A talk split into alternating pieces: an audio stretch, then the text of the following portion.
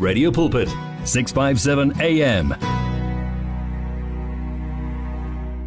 Mfundisi ungangena kule ndaba. Eh reverend ungangena kule ndaba. Uh, we we we we're going to differ no Babu Velem in in in in many different aspects Yeah. uh, in terms of interpretation.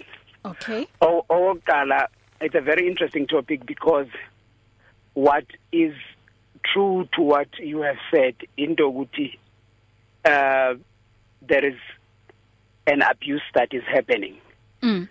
uh when it comes to this uh passage Mm.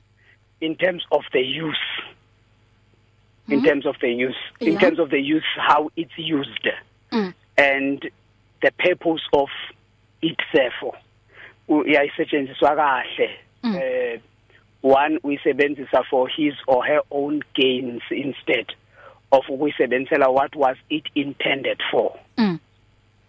um th that's that's that's the first thing that I want to agree with you on ukuthi uh it's unfortunate that we see a rampant increase Mm. eh ku- kule ndaba okusetshenziswa ngendlela engekho kahle kwale kwale kwale kwale kwale scripture then um size ke ku- ku- kule kule ndaba yok explainwa ebavele ma explainayo yo yo yo yogcotshiweyo or umgcotshwa ka ka kaNkuluNkulu the anointed one of God.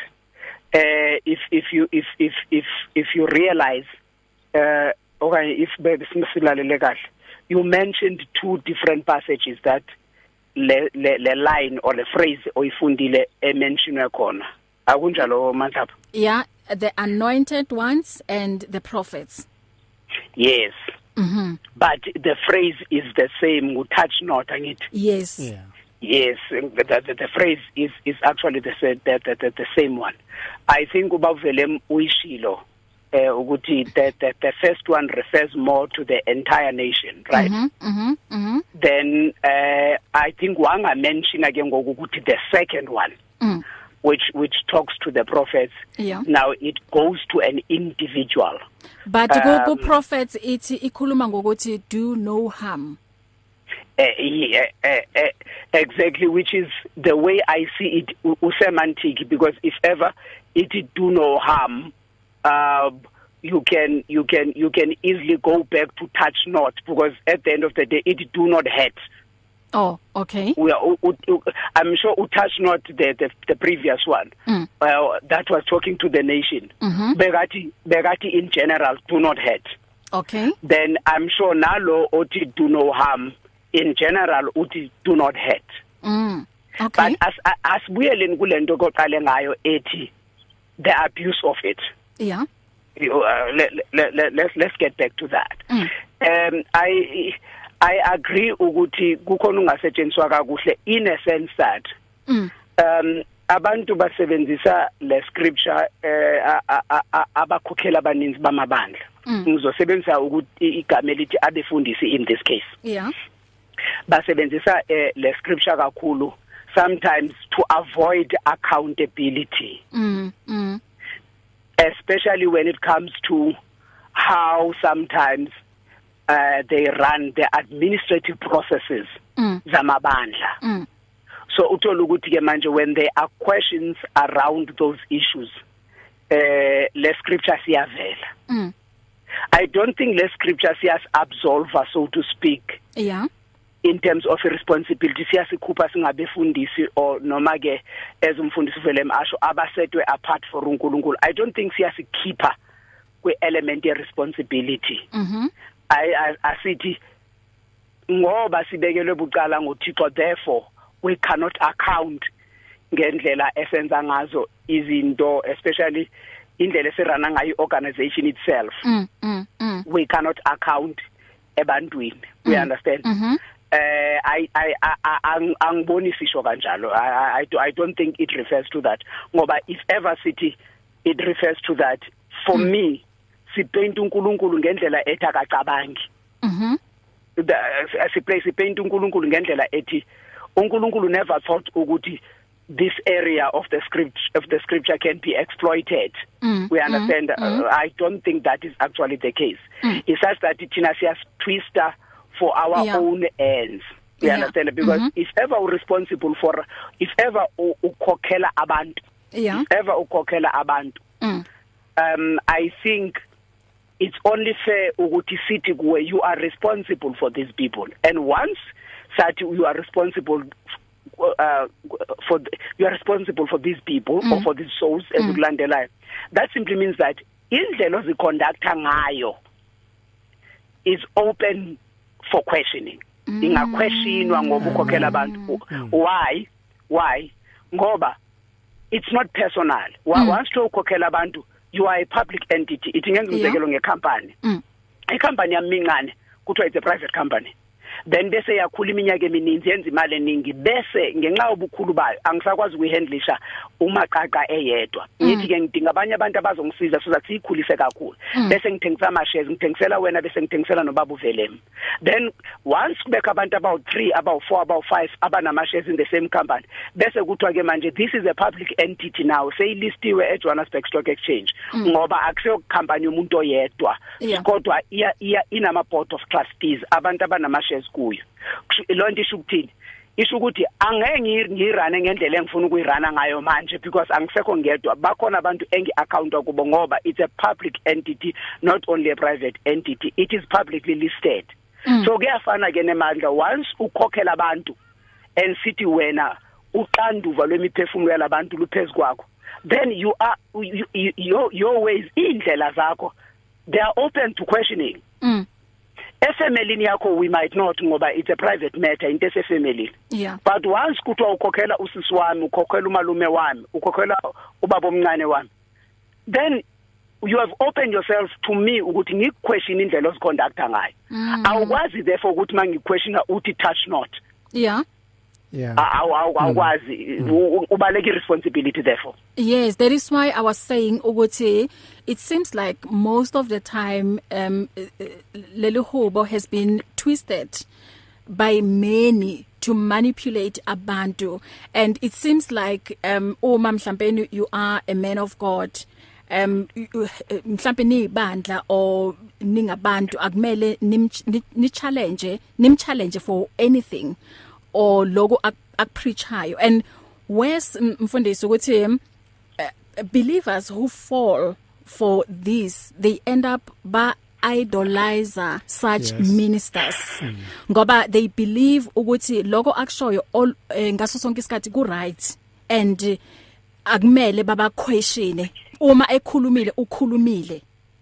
And uma sibuka encwadini ka Luke 6:39 iya- iyasho u- uKristu uya- uyakhuluma about the blind leaders and blind followers. Lapho esho khona ukuthi can the blind lead the blind?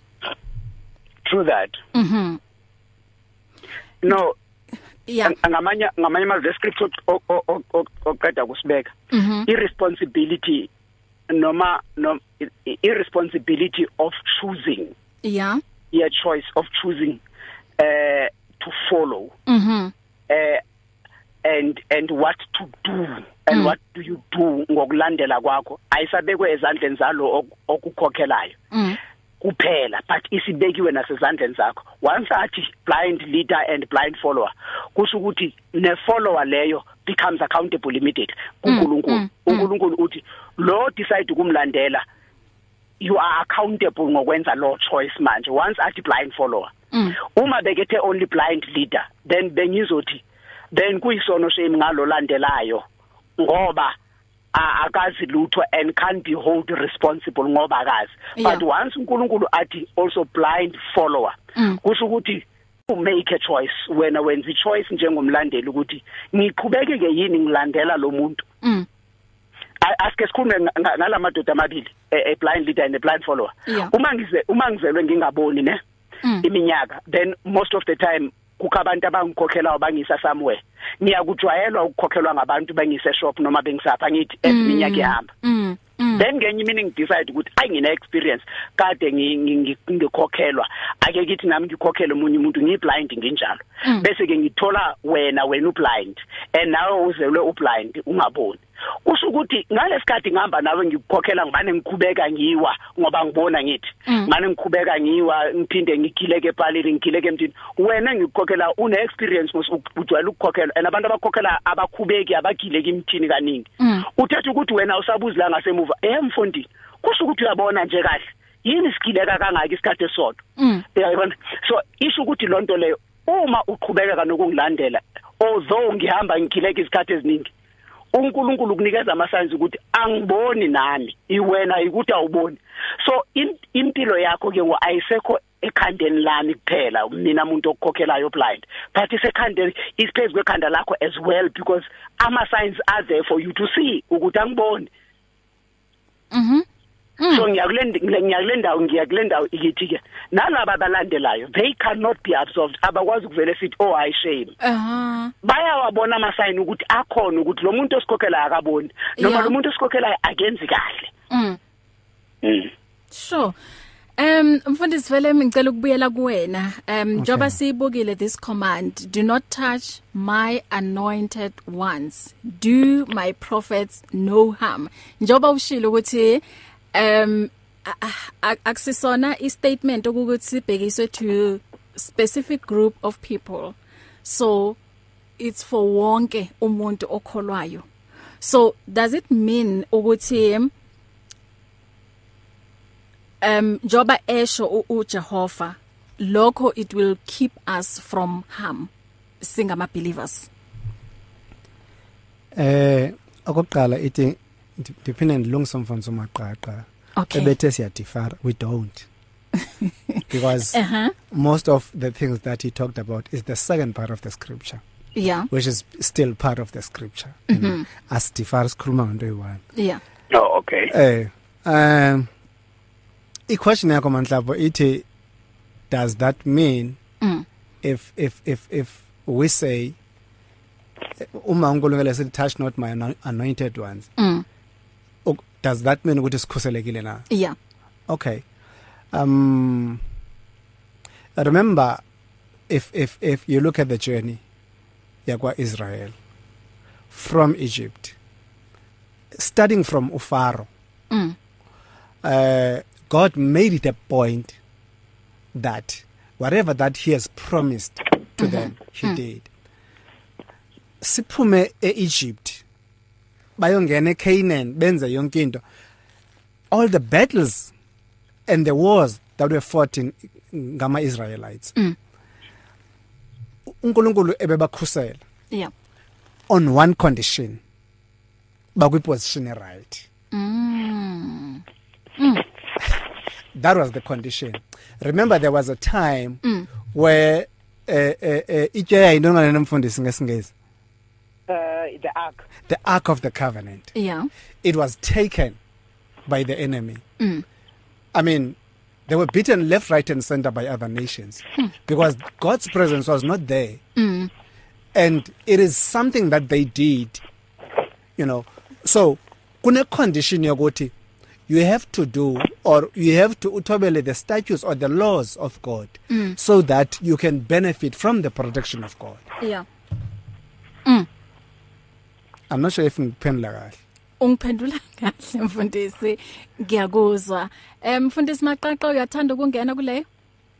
Uh I I I I think uh Manhlapho is straight eh, kakhulu ngoba i- think to put it in another in another way ubaba umfundisi uvele uthi eh ukuphendula umbuzo wakho namanje eh if ungenzi kahle phambi kobuso bukaNkuluNkulu ungasho ebantwini ukuthi abangakutashi right?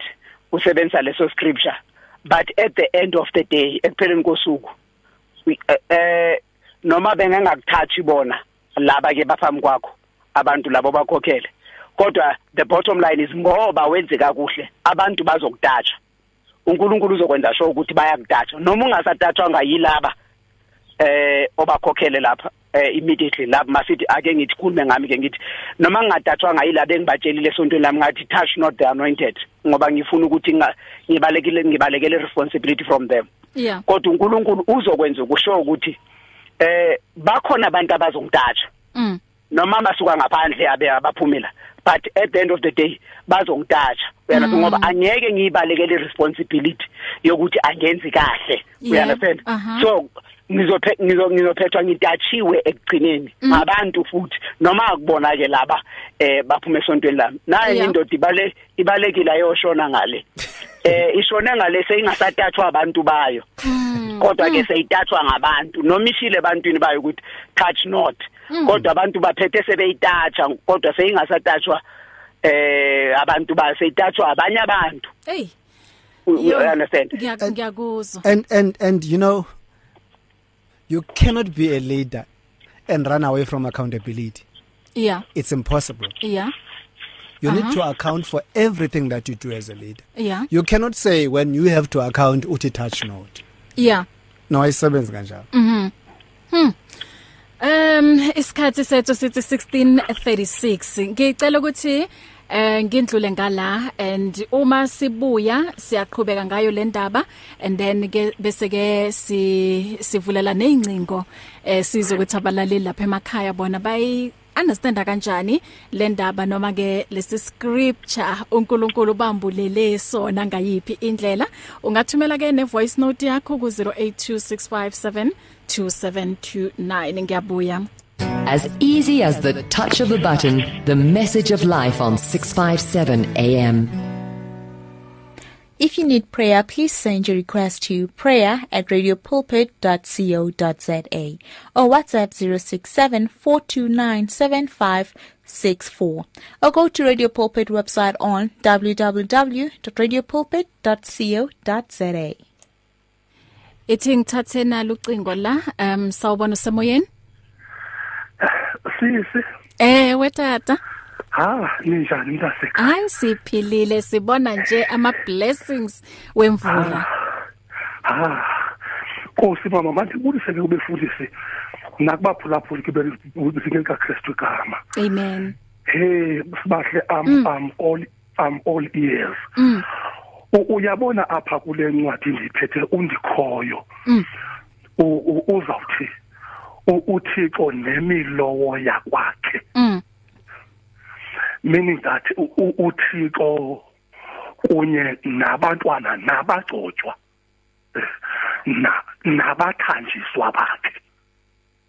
Noba uthanjiswe mhlawumbe uyiasha noba uyapheka but nje okusithetha ngako sibahle ungumoya oyingcwele opha kuye ngaphakathi. Touch not. Mhm. subachukumisa aba abathanjiswa bami. Uzawuthi apha ke apha kuverse 14 athi kodwa uThixo vumanga ukuba batsaliswe nzima eh? Eh ude wazohlwaya nekumkani ngenxa yabo. Ngamanye amagama uma sithetha xa kuthiwa touch not my anointed one mm. sukudlalisa ngomuntu onomoya oyingcwele kaThixo. Sure. Never in your life do that Mm. yes uyabona sibahle befundisi bami if you are fully loaded Mm. or uh, are well equipped empowered mm? Mm. so u- u- une full backing enzima yeah Dumiso 9111 Mm. mm? so u- u- u- une full backing and you are ready to answer any question but abantu mabangahlali ngabagcotshwa bakathixo. Awukho ready ufacea nantoni izithuko seba yes okay ungathukwa kuba abantu bengamazi uthixo. Yeah. But that doesn't mean sibahle. Mm. mandikhethe ukuthanda kwami kumgcotshwa kathixo. No no uyabasengxakini embi. Touch not. Ngamanye amagama subaphatha kakubi abagcotshwa bakathixo. Yes they know that izawuthethwa yonke into ngabo embi they know that that's why uthixo wathi abakhuli ngusawule wathi yewethu sawule Sa- yewethu sawule lichutshiselane eh?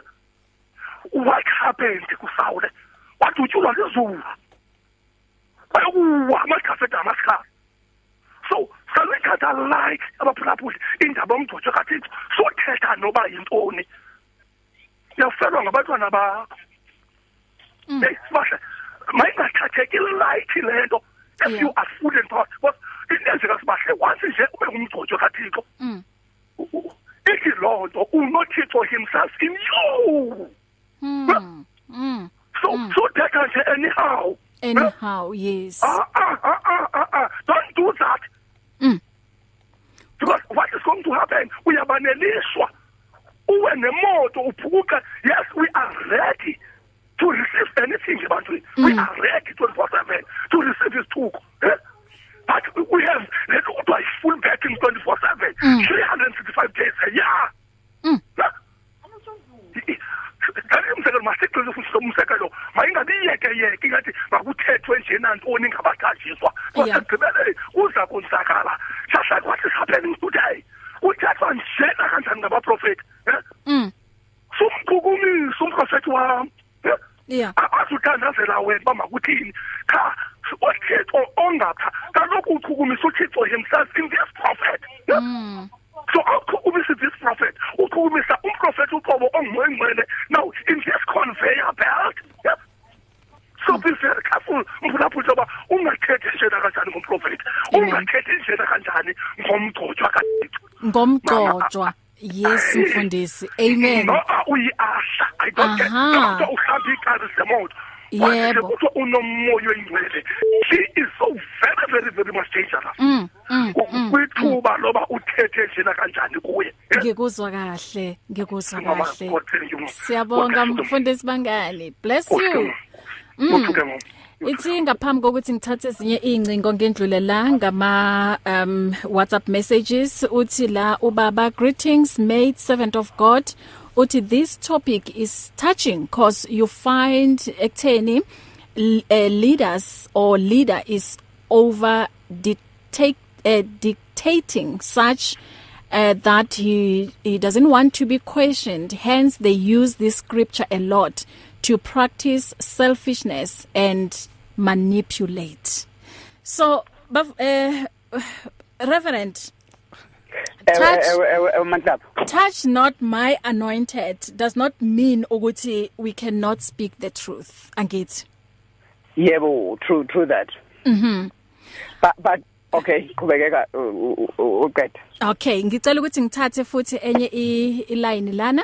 S- Oh, usehambile angizame ngala. Oh, okay. 0123341322 zivuliwe incingo. Ang- Angindlule ke masinya kule voice note sizwe ukuthi uthini la umlaleli. Eh kunjani mhla sibingelele kibo bonke bafundisi lonabo lapho leli verse lizama lokusitshela ukuthi ngesikhathi saIsrael bekunebaprofeti baNkuluNkulu bebabulawa noma bebalinyadwa then now uNkulunkulu sozama lokusi Okay, bengisalalele la ubaba kodwa ke siwuswile umyalezo wakhe. Reverend ngicela ukubuyela kuwe. Alright, eh bethina simandla phiyavakala into ethethwa ngoku kuthatha umfundisi phaya uba uba ubangane. Ehhe. Eh eh, ethi eh, uba ubangane u- uzama ulumkisa eh a- eh, thina bantu Mm, into mm. bangaba eh i- u- umphatha njani Mm. eh um- um- u- u- umgcotshwa lowo I- i- impatho le utata ubangana phezukwayo kakhulu eh uthi ke suma uthethe noba kukanjani now ndifuna uyidibanisa nale nto ogqiba ithetha ke ithi um eh uthasi not ngaba u- uthi masingakwazi ukuthetha inyani kusinina eh sisimanhlapho bangaba ndiza kuwe kukho into erongo yenzayo ne Yebo. Hello? Yep, silalela. yes ubangaba ungaba ndiza kuwe ndikholela uba kukhona into erongo yenzayo Mhm. ibalulekile indlela yokokuba ngaba ndifika kuwe ndikuapproache kanjani Kanjani, ndithi- ndiyithethe njani le nto ndithi wrong uyayenza Mm. Mm. ayizundinceda noba mhlawumbi ndiyakholelwa into yoba ngaba urongo into yokufika eh ndivele ndibese ndikuqalekisa Mm. Eh ndi- ndi- ndi- ndi- ndi- ndiku- ndikubeka izithuko all over the place Mm, mm. izawukwenza into yoba ngaba ungabi sandiva ke ngoku kwawena uyaqonda le nto Yeah. ndizama ukuyibeka uyirong uyenzileyo sentsho ube emotional nawe Mhm. uyaunderstand so Mm. ndiya kwinto ethi ke ibalulekile ne- eh, u- uba uba ngale nto ayithethayo into yoba ngaba eh iyafana nalo gqiba ayithetha noba noba ngaba sisinyani kubagcotshwa siyisanjani lenyani and again njengoba utata uvele mbeke washo lento iya apply general noba ngabuya kubani ungumuntu isimilo into ebaluleke kakhulu. Into bangaba uye ngokusesimilweni noba ngaba ufinish into bangaba umuntu othile akenzi ngendlela eright. Kodwa uyibeke ngokusesimilweni ube nenhlonipho ekubekeni kwakho lento Yeah. so ndiyakwinto ndiyakwinto ethi ke eh njengoba lo mphulaphula uqhawuke phakathi kwivoice kwivoice note besasho into ba enye yezinto uThixo waye wayinqanda ukubulawa kwabantu kwabagcotshwa bakhe abathumayo bamabothetha izinto. e- ebantwini yeah so nangoku isa apply njengoba ubangani ke esitsho into bangaba mm masingaba abuse Yebo. abagcotshwa bakaThixo ma- mas- masinga- masingabahlakazelisi masingabathuki Mm. oko masijonge izinto esi- e- ne- indlela esithetha ngayo Yebo, kuyiqiniso. Ngicela ukubuyela futhi la elayinini. Ah, okay, usehambile 0123341322. Em zivuliwe ke incingo. Em angibuyele futhi sawubona usemoyeni. Yes, sawubona nkosazana. Babvilakazi. Ngibulise kuyinceku kubafundisi lapho. Amen. amen Touch me. Touch not the ano- the anointed one. Mm. Today lamazwi asebenziswa ngendlela engafanele sehlabahle. Mm. Mm. Mm. Ngoba noma umholi enza izinto ezobumnyama akasafuni ukutshela ngoba yonke into ayenzayo ilungile. Mm. He has become a law unto himself. Bakhosa ukuthi kufanele bazehlise nje ngoJesu Christ. And dying to self is the primary battle of life sehlabahle. Yeah. Mm. ngenye inkathi abaholi they are scrambling for the throne of Jesus Christ Mm.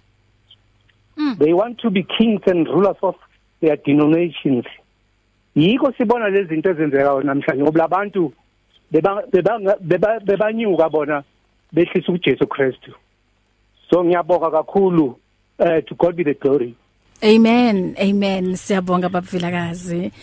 Em asiye lapha ke kuma voice note asizwe la ukuthi uthini?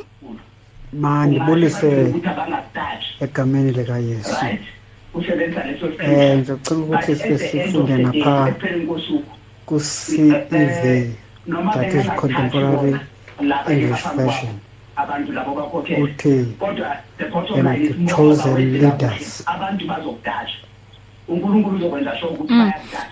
Okay, eh bazalwane, ngicela ukuthi mo recorder i voice note, eh mhlambe usuke phambi kwe radio noma uyi switch off ukuze sizokuzwa kahle. Ukuthi uthini ngoba uma ekhuluma um sikhuluma la emoyeni and then nawe ngapho recorder kuba nzima ukuthi sizwe kahle ukuthi uthini so siyacela. Okay, ithi ngibuyele la elayinini sawubona usemoyeni? hey isibahle nathi sisindawana i- that is very true Mm.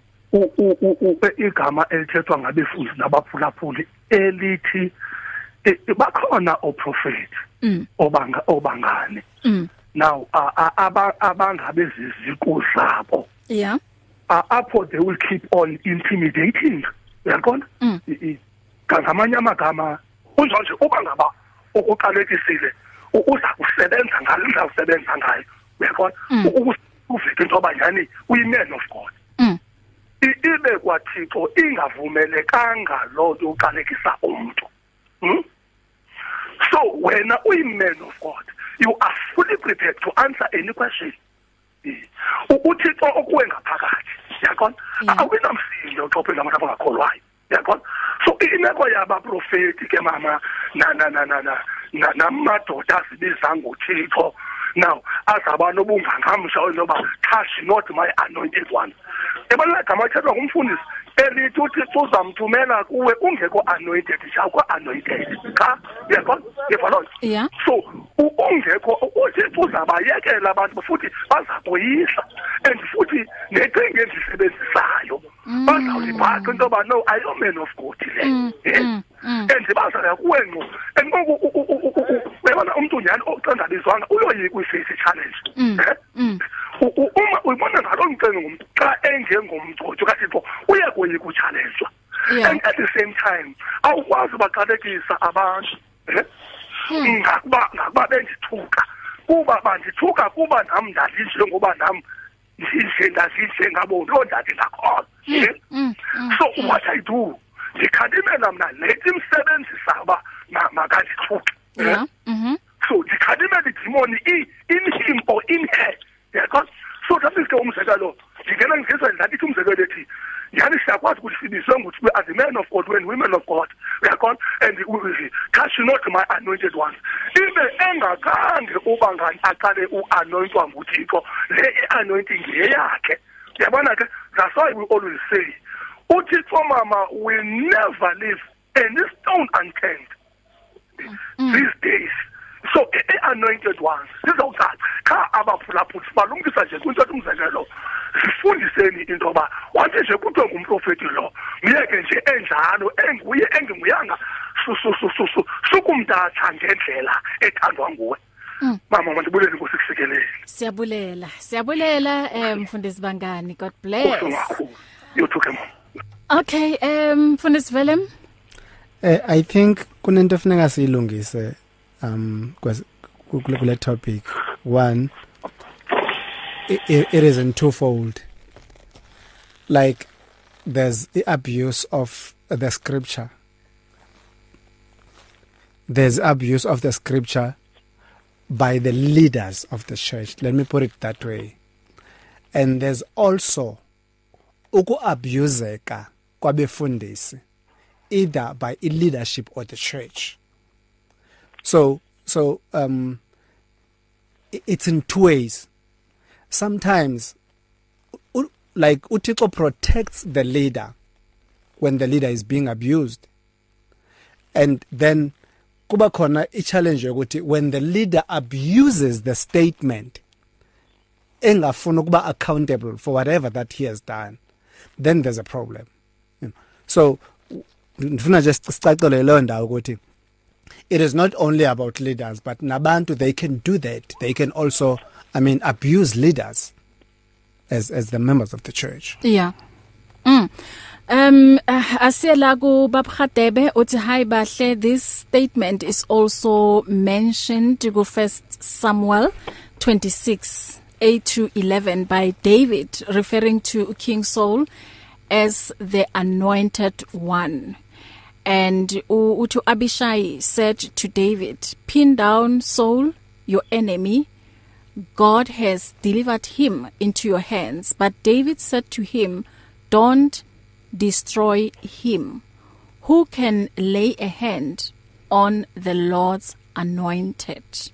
And uthi is the same as Psalm 105 um 15 I guess maybe umfundisi beka la ubabhadebe um earlier on you mentioned ukuthi akuna la uNkulunkulu akhombe eh, abize umuntu ngegama athi this one okay. is my anointed. Mhlambe ke beka sibonisa ukuthi cha sikhona iscripture um as um he mentioned first Samuel 26 uh, uh, 8 to 11 and and I remember there it is David yeah. saying to Abishai or yes. uh, not God. Yes. Okay. All right. Um nansi voice note ngicela ukuthi ke silalele la. Nkosazana siyabingelela sibingelela nabo bonke abefundisi abathandi bayo radio pulpit abalaleli bayo radio pulpit eh indaba yezwakala kahle lapho ukuthi ungasithinti isizwe sami iBhayibheli lesiphutuke zisho kanjalo. Abagcotshiweyo bami eh ukuthi uNkulunkulu laphani ukhuluma ngalaba Israyele la behamba noMoses noJoshua nabo bonke laba bami ngabaholi. Ukuthi lesasizwe lesiyisizwe sikhethwe isizwe siyingcwele sikaNkuluNkulu. Manje ke kwanamuhla kuba indidana ngoba laba ngathi seyisho umfundisi oyedwa ebandleni noma umprofita manje ke uJesu mekhuluma uncwadini kaJohana 14 verse 22 uthi umuntu mengithanda uyakugcina amazwi yami uyakugcina amazwi yami uyakuthandwa ngubaba mina nobaba siyakubuya sakhe kuye sakho umuzi kuye iBhayibheli isiputukeze farem zamorada. Manje ke lokho kuthandwa kukaNkuluNkulu lokho ukuthi uNkulunkulu ahlele emizimbeni yethu ucobo lolo nkosazana lolo. Kusho ukuthi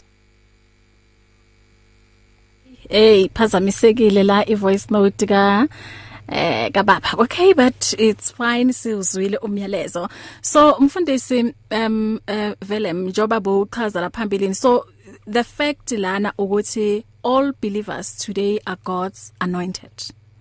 And we are all set apart njoba bo usho um for the work uNkulunkulu is accomplishing kulomhlaba.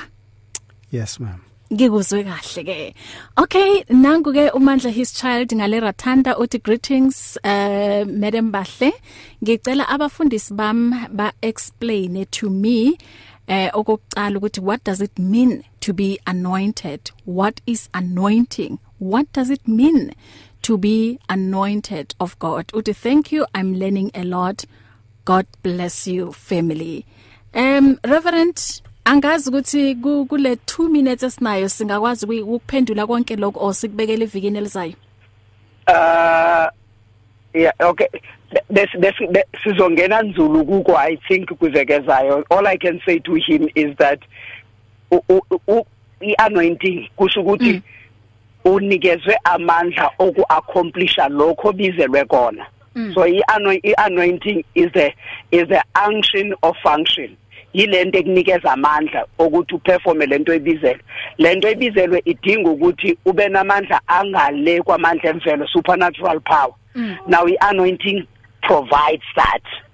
Oh okay kodwa yes. sizongena kakhulu kuyona but mandla um next week sizoyiphendula kahle yonke lembuzo kusho ukuthi oqala sizobuka ukuthi what does it mean to be anointed? Bafundisi ngiyathemba ukuthi niyayi note ne yes, and then second yeah. question what is anointing?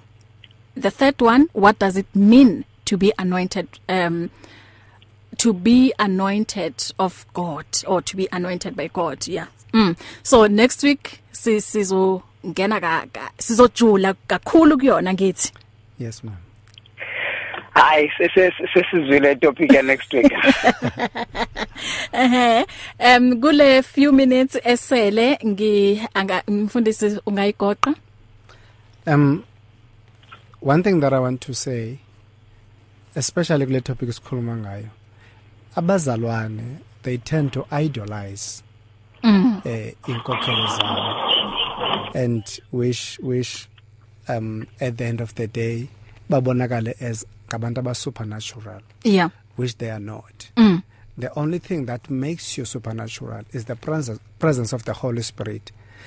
Le akubizela yona ukuthi Thixo uyenze lonto ngelo xesha. So it's not like abefundisi or leaders are mm. uh, uh, they are idols.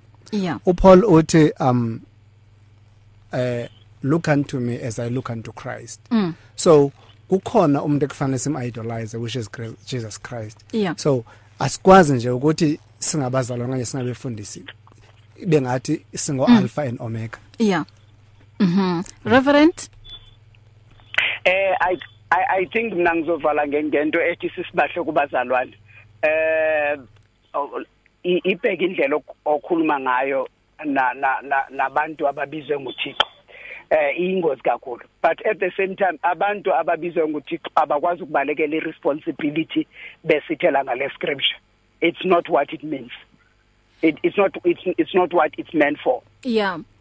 And okubhlungu umfundisi ukuthi mongabuka abaningi okuwukuthi em bakulensindiso baqale kahle. Kodwa uma isikhathi siloku sihamba angazi ukuthi kusuka kwenzakalani. Bese ke abasahambi ngendlela kamoya ongcwele. Sebaholwa manje ngomunye umoya esingawazi. Okuwukuthi isibuyisela back to the book of Luke 6:39 aha. Ehe. Ngibongile kakhulu eh reverend um bathola kuphi? Mhlawumbe abasathanda ukuthi bayixoxe nawe ungekho la emoyeni. Oh, all right. Igama lami ufezile maqaqa ngiyatholakala ku Facebook Reverend Fezile Maqaqa noma eh Fezile Maqaqa and ngiyatholakala na ku Twitter my name is Fezile. Um yeah bangangithola lapho. Esontweni ngise Olivenhout Bosch eSenturion kwisonto ekhaya Family Transformation Center.